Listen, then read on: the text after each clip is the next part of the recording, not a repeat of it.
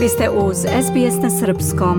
Kao što smo čuli, dobitnica Nobelove nagrade za književnost je francuska književnica Annie Ernaux, čiji se roman Za posednutost, koji je na srpski preveo Bojan Savić Ostojić, nalazi u pripremi i bit će objavljen tokom predstojećeg Beogradskog sajma knjiga u izdanju izdavačke kuće Štrik iz Beograda.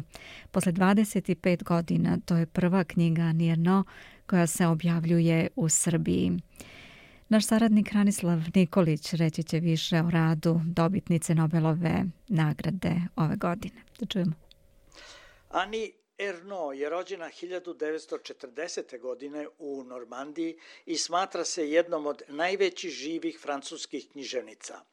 Literarnu karijeru započela je 1974. godine. Poznata je i srpskim čitaocima, Prosveta je svojevremeno objavila nekoliko njenih dela, a 1997. godine Ani Erno je posetila Beograd kada je predstavila knjige Jednostavna strast, Mesto pod suncem i Nisam izlašla iz svoje noći. Pišući o svakodnevnom životu, ona otkriva dublje probleme, poseduje prustrovski osjećaj vremena čije proticanje dočarava kroz sećanja na specifične detalje, muziku, novinske članke, fotografije. Dobitnica je brojnih francuskih književnih priznanja. Predsednik Nobelovog komiteta Švedske kraljevske akademije, Andres Olson, rekao je da je Ani Erno postigla divljenje dostojno i trajno, ukazuje na njenu veru u oslobađajuću snagu književnosti.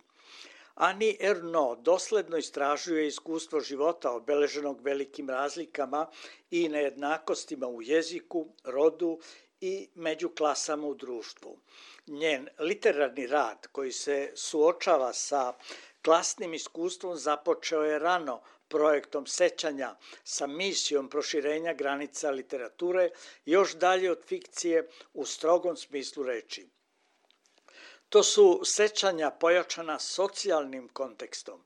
U rekonstrukciji prošlosti ona se oslanja na Prustovo delo u potrazi za izgubljenim vremenom, ali ona svoju potragu vodi u sasvim novom pravcu, rekao je Olson. Prema njegovim rečima, posle romana Mesto pod suncem iz 1983. godine, Erno je postala poznata. Tu je dala portret jednog oca iz socijalnog miljeja koji ga je formirao najavljujući svoju etički motivisanu estetiku. Ali ona pripoveda i priče o ženama, majkama, a analizira i društvene korene sramote, pišući o ilegalnom abortusu mlade devojke u romanu Događaj, koji će kod nas uskoro objaviti izdavačka kuća Štrik. Poslednji francuski pisac koji je dobio Nobelovu nagradu je Patrik Modiano 2014. godine. Ove godine je jedan od glavnih favorita, kako je o tome pisao i britanski Guardian, bio je i Salman Ruždi, dugogodišnji kandidat uz Harukija Murokamija, pominjao se istina i američki pesnik srpskog porekla Charles Simić.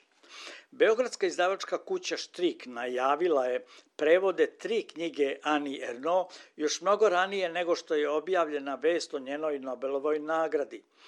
Za ovogodišnji međunarodni Beogradski sajam knjiga koji će se održati od 23. do 30. oktobra, bit će objavljen njen roman Za posednutost, a do kraja godine i roman Jedna žena. Početkom naredne godine Štrik će štampati i njeno delo Događaj. Nagrađena književnica je 2019. godine dala opširan intervju Ninu. U tom intervju Erno je govorila o delima koje je pisala i kazala. Sve što sam napisala potiče iz mog životnog iskustva, iz onog što sam videla, proživela i svega što i dalje proživljava. U tom smislu, poreklo i tematika moje literature jesu autobiografski. Ipak, Nije mi cilj da pišem o sebi, niti da opisujem sobstveni život. Služim se svojim životom i onim što mi se desilo kao društveno biće, kao žena, koristim ga kao polje za istraživanje da bih na svetlost dana iznela određenu istinu. Ja, koje upotrebljavam, jeste reč koja u jednakoj meri označava drugog koliko i mene. O razlici između stvarnosti i fikcije Ani Erno je kazala Velika razlika između stvarnosti i fikcije je u tome što ona prva, čak i onda kada je samo zamišljamo, ima moć da nas zaprepasti, naročito kada je tragična.